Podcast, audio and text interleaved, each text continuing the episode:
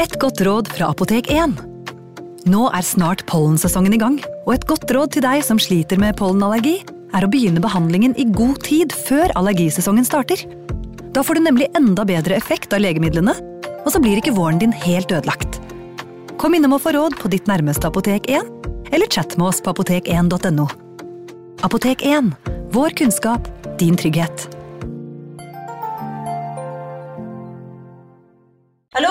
Jeg kommer fra Oslo politikammer. Ine Jansen er purk. Er du purk? The motherfucking bitch. Alt jeg vil, er å finne ut hva som skjedde med mannen min. Jon Carew. Er jeg sikta for noe? Iben Akeli. Det er du.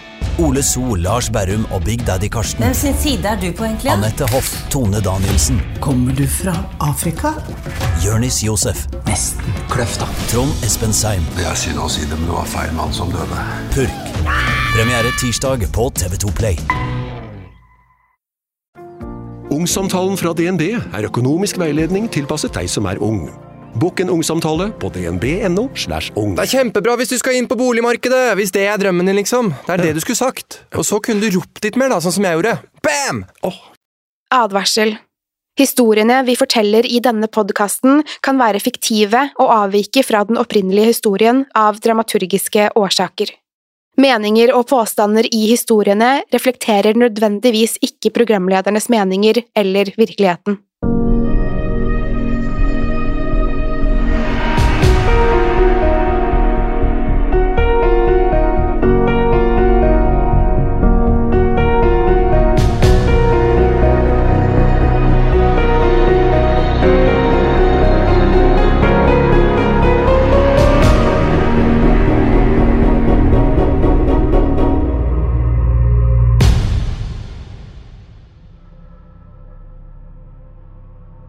Jeg hadde kjørt i noen timer da jeg svingte av hovedveien.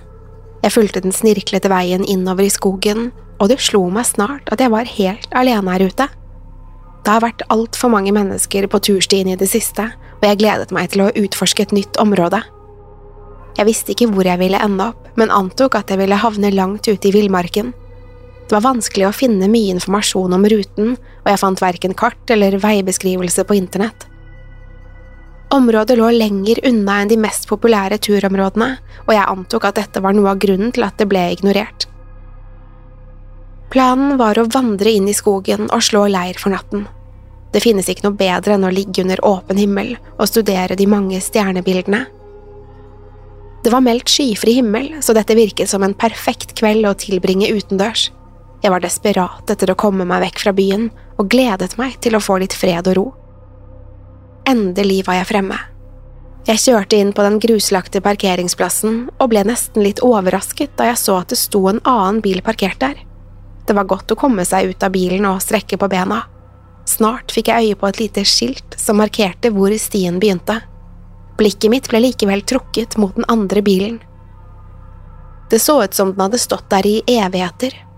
Alle fire hjulene var flate, men det så ikke ut til at de var punkterte. Hele bilen var dekket av støv. Jeg snudde meg for å se på min egen bil, og så at det hadde samlet seg opp en del støv på veien inn. Det kunne likevel ikke sammenlignes med den andre bilen. Bortsett fra dette så det ikke ut som det var noe galt med den. Det var ingen tegn til innbrudd eller synlige skader, men det var åpenbart at den ikke hadde kjørt på en stund. Jeg tenkte at det var merkelig at bilen ikke hadde blitt tauet vekk allerede.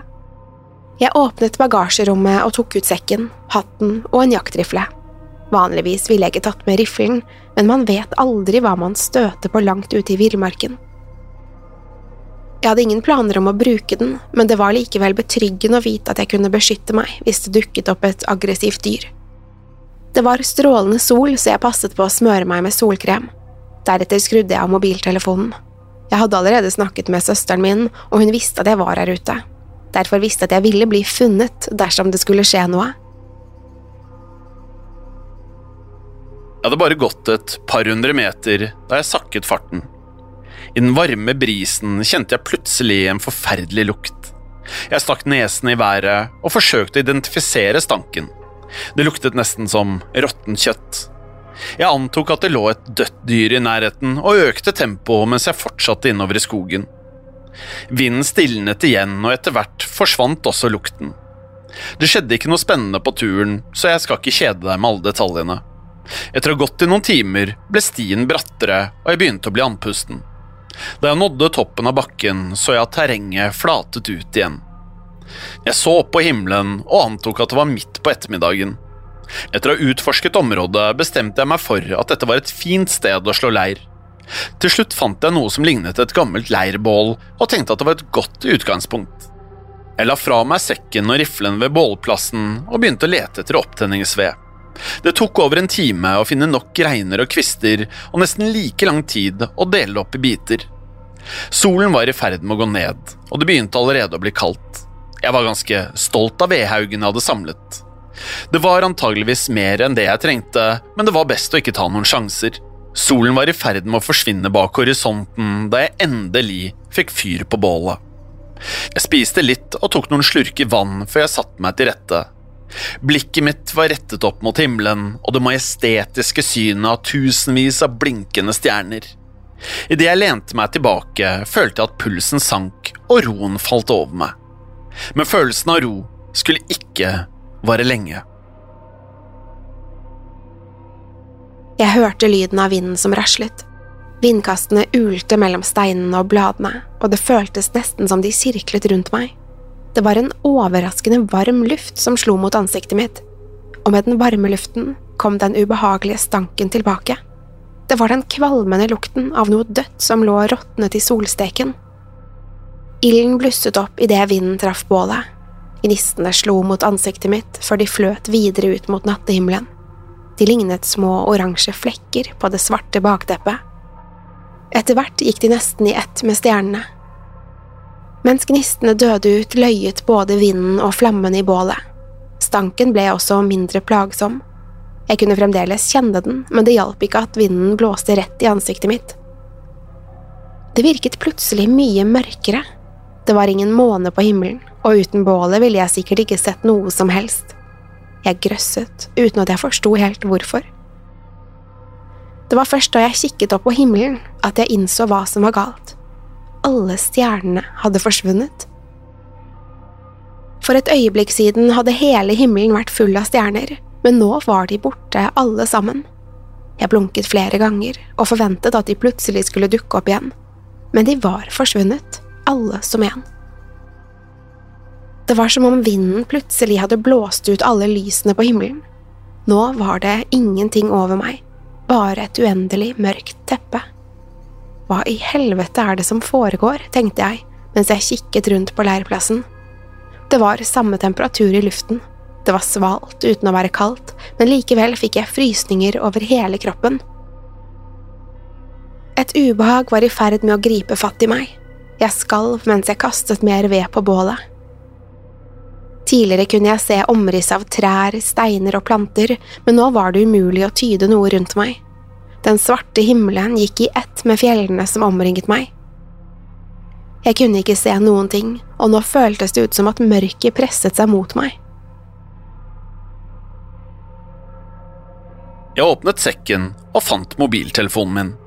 Så snart det var liv i den, skrudde jeg på lommelykten den lyste opp i et øyeblikk før den begynte å flimre og til slutt skru seg av. Jeg visste at batteriet var fullt, men skjermen forble svart. Uansett hvor mange ganger jeg trykket på knappen, skjedde det ingenting. Heldigvis hadde jeg en liten lommelykt på nøkkelringen min. Jeg åpnet sekken igjen og fant frem nøklene. Lommelykten lyste i et øyeblikk, før den også begynte å flimre. I løpet av noen få sekunder var den også helt død. Jeg gjorde et desperat forsøk på å fikse den, men måtte til slutt innse at det var håpløst.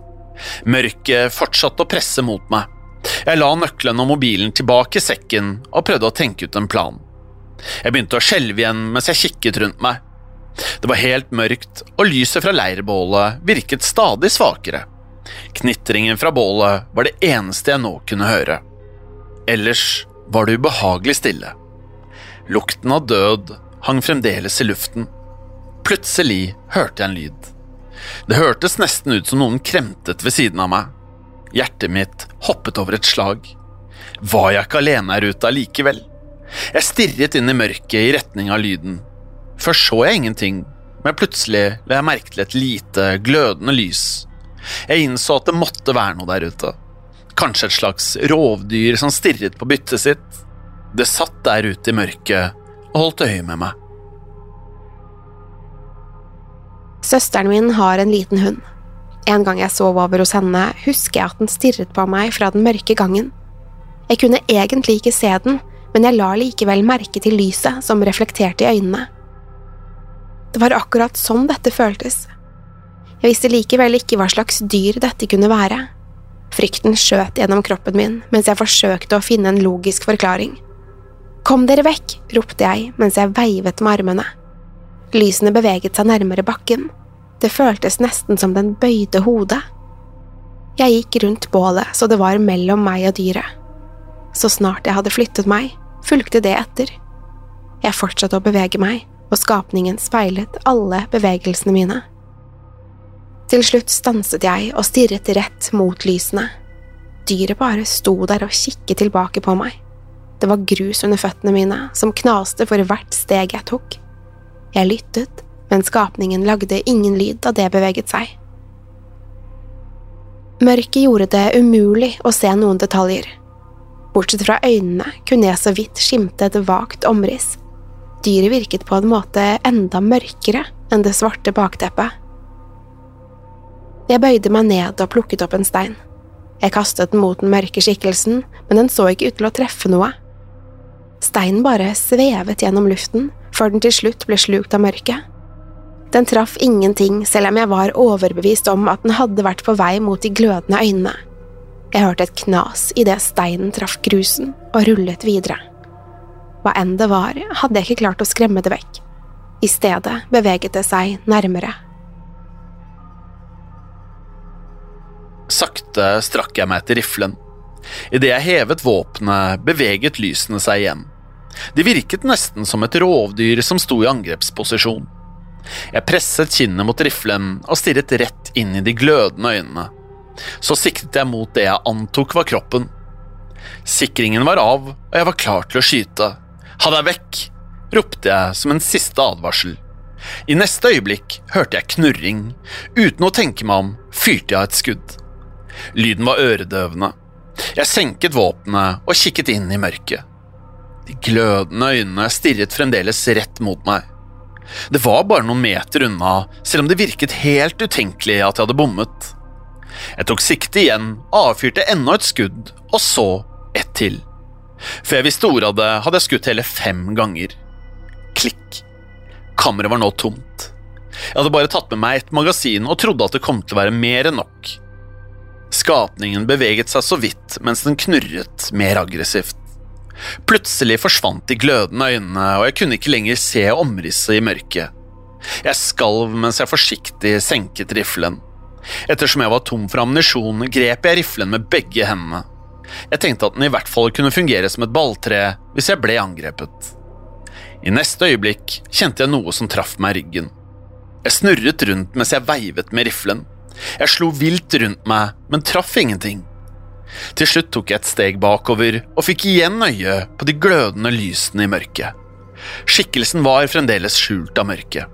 Den hadde beveget seg rundt meg uten å lage en eneste lyd. Men hva var det som hadde truffet meg?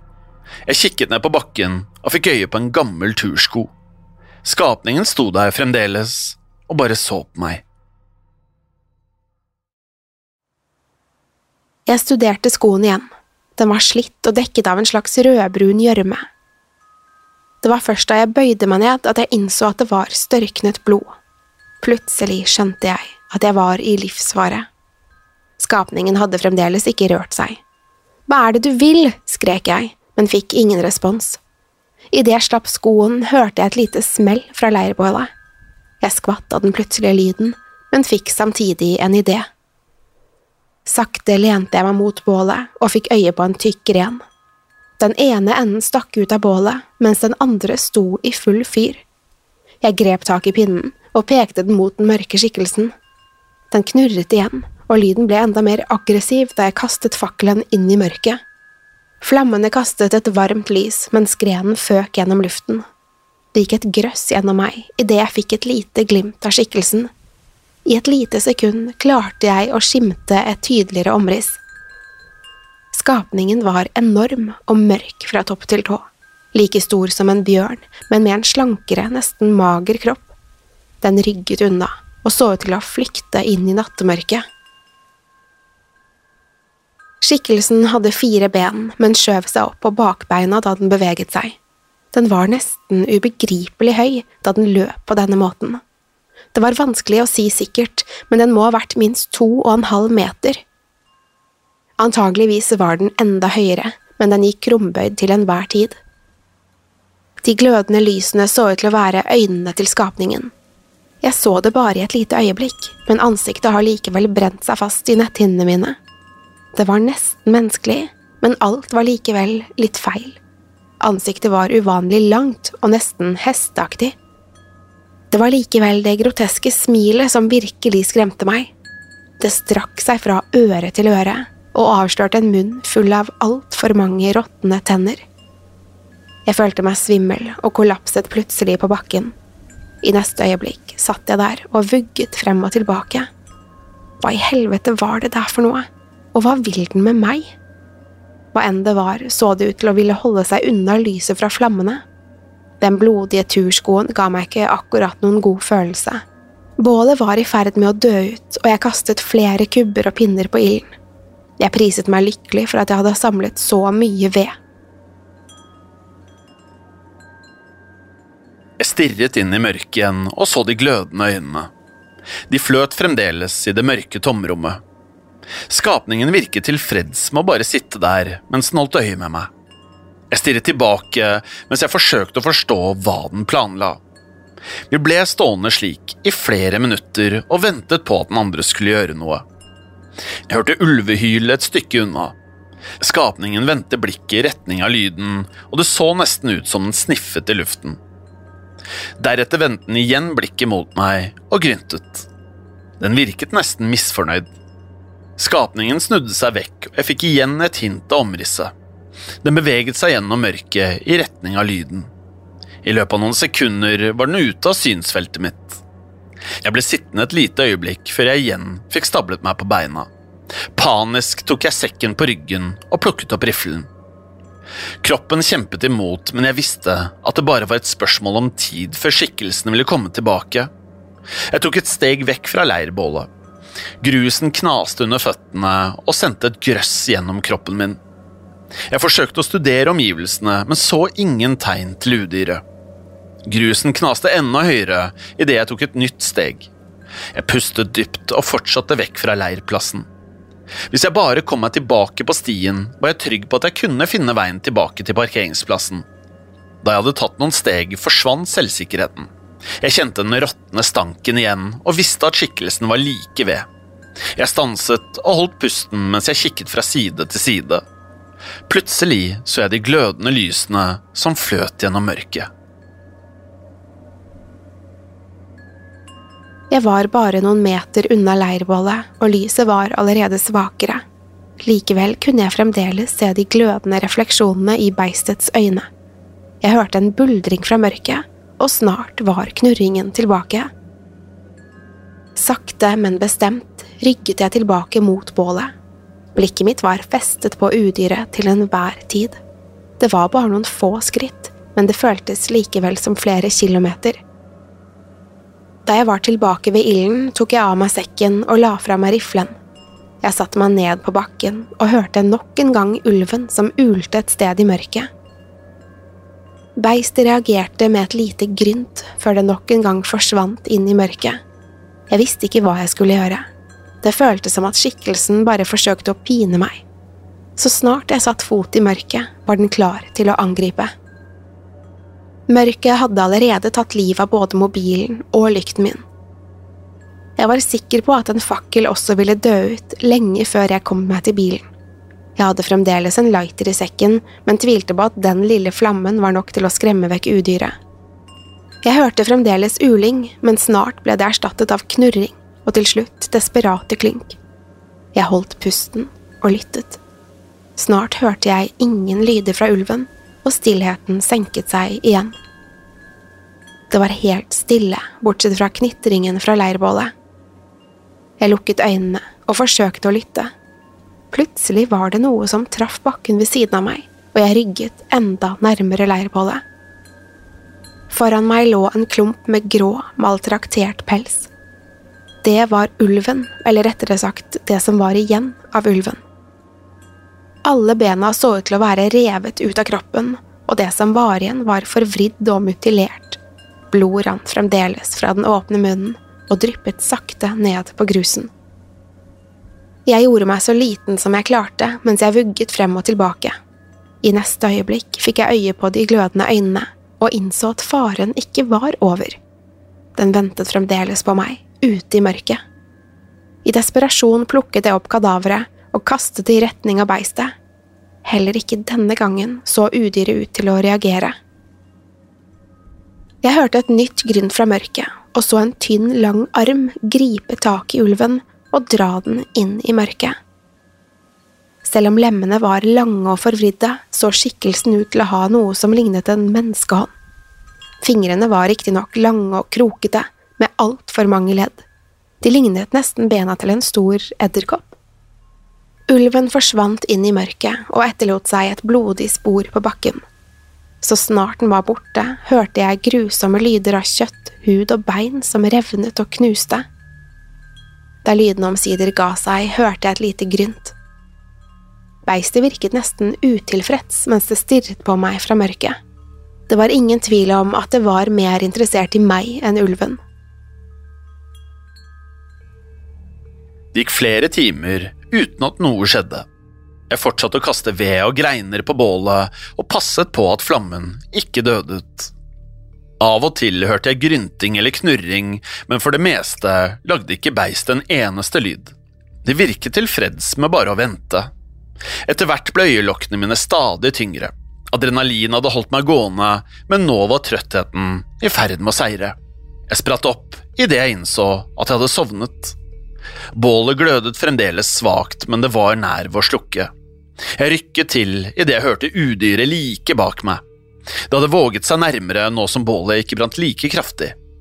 Jeg spratt opp på føttene og kastet flere grener på bålet. Deretter satte jeg meg ned på kne og blåste på de glødende vedkubbene. Jeg var desperat etter å få liv i den døende ilden. Og snart vokste flammene igjen, og jeg kunne se hvor nære skikkelsen hadde kommet. Den satt på huk og lente seg på armene. Bakbenene var foldet på hver sin side av kroppen. Den hveste mot meg mens den motvillig rygget tilbake i mørket. Det var ikke bare et rovdyr som handlet på instinkt. Jeg så sult, men også smerte i blikket. Udyret fortsatte å knurre og grynte fra mørket, og det ble stadig høyere og mer intense. Mens den sirklet rundt bålet, ble lydene mer desperate. En gang iblant mistet jeg oversikten over hvor det var, før øynene plutselig lyste opp igjen. Jeg kunne ikke gjøre annet enn å kaste ved på bålet og håpe at det ville holde til soloppgangen. Stabelen ble stadig mindre, men jeg kunne ikke risikere at flammene døde igjen. Plutselig lagde skapningen en lyd jeg ikke hadde hørt tidligere. Den hveste idet den kikket opp mot himmelen. En liten stund så den på meg igjen, og nå var det med forakt i blikket. Den ga fra seg et siste brøl før den nok en gang rømte inn i mørket. Stanken og mørket forsvant sammen med udyret, og så snart den var borte, kunne jeg se flere detaljer i omgivelsene. Himmelen var mørkeblå, og jeg skimtet et svakt oransje lys i horisonten. Stjernene var også tilbake, og jeg har aldri vært så glad for å se de små, glødende lysene. Snart sto solen opp, og lyset returnerte til verden. Jeg sto der i en halvtime og nøt den betryggende varmen fra morgensolen. Jeg samlet sammen tingene mine og skyndte meg tilbake til stien. På veien så jeg de blodige restene av ulven, men hadde ikke tid til å stanse. Jeg jogget hele veien og så meg aldri tilbake. Hver gang jeg sakket farten, kjente jeg vinden i ansiktet. Av og til kunne jeg også lukte noe råttent, men dette motiverte meg bare til å fortsette. Etter noen timer var jeg nær ved å kollapse, men jeg visste at det bare var et lite stykke igjen. Det var først da jeg kunne se parkeringsplassen at jeg innså hvor utmattet jeg faktisk var. Jeg hadde likevel ingen tid å miste. Uten å stanse tok jeg av meg sekken og begynte å lete etter bilnøklene. Hendene mine skalv, og jeg holdt på å snuble da føttene traff grusen, men til slutt klarte jeg likevel å fiske ut nøklene og låse opp bildøren. Jeg kastet alt inn i bagasjerommet før jeg ramlet inn i førersetet. Hendene mine klamret seg fast i rattet og nektet å gi opp. Speilbildet avslørte hvor sliten jeg var. Jeg studerte de mørke ringene under øynene. Ansiktet mitt var skittent, men tårene hadde vasket bort noe av støvet. Jeg innså at jeg hadde grått helt siden jeg satte meg i bilen. Jeg kastet et siste blikk mot stien og la merke til en støvsky som blåste gjennom luften. Det var ikke aktuelt å bli her et sekund lenger. Hjertet hamret i brystet mitt mens jeg kjørte nedover de smale, snirklete veiene. Det var ikke før jeg var tilbake på motorveien at jeg begynte å føle meg trygg. Etter et par dager ringte jeg Friluftsetaten. Jeg fortalte at jeg hadde blitt angrepet av et vilt dyr og ville advare andre mot denne ruten. Jeg sa ingenting om den forlatte bilen eller den blodige turskoen. De ville sikkert tenkt at jeg var gal dersom jeg fortalte sannheten. Dessuten ville jeg ikke at noen skulle dra ut for å undersøke. Etter hvert begynte jeg å lese om ulike vandrehistorier fra området. Jeg måtte slutte da jeg oppdaget en historie som skremte vettet av meg. Jeg tror kanskje jeg vet hva det var jeg støtte på i skogen, men jeg vil helst glemme alt sammen. Tanken på å være alene i et mørkt rom gjør meg fremdeles livredd.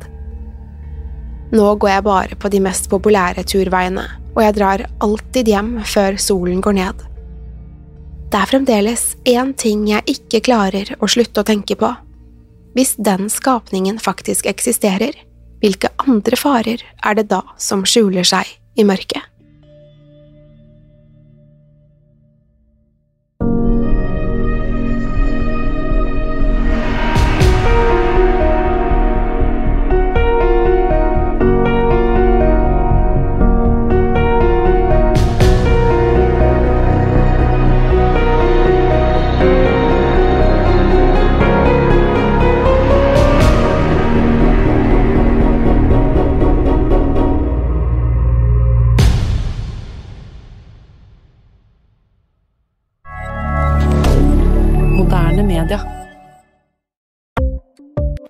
Ukens annonsør er Folio, en smartere banktjeneste for deg som har en egen bedrift eller ønsker å starte for deg selv. Folio er en superenkel nettbank for bedrifter. Som kunde i Folio får du en bedriftskonto med et bedriftskort og app. I denne appen er det smarte løsninger som forenkler regnskapet ditt, uansett om du har en liten bedrift eller et enkeltpersonsforetak. Folio er både intuitivt og brukervennlig, og er laget med et enkelt språk. I tillegg tilbyr de forutsigbare priser og ingen skjulte gebyrer. Skulle du likevel trenge det, så kan du snakke med deres raske og hyggelige kundeservice, og der får du prate med en faktisk person og ikke en chatbot. Folio er med andre ord både enklere og koseligere enn banken. Over 10 000 bedrifter har allerede valgt Folio som sin banktjeneste, så besøk folio.no og se hvordan Folio kan forenkle din hverdag også. Har du et enkeltpersonforetak eller en liten bedrift? Da er du sikkert lei av å høre meg snakke om hvor enkelt det er med kvitteringer og bilag i fiken, så vi eh, gir oss her, vi. Fordi vi liker enkelt. Fiken superenkelt regnskap. Kiwi er billigst i VGs matbørs og har vært billigst i fire av de fem siste VGs matbørser. Og nå presser vi prisene på frukt og grønnsaker. På 200 gram broccolini setter vi prisen til 24,90. På 400 gram Cevita blåbær setter vi prisen til 49,90. Og husk, alle Kiwi Pluss-kunder får i tillegg 15% trumfbonus på all fersk frukt og grønt. For det er vi som er prispresserne. Og vi i Kiwi gir oss aldri på pris.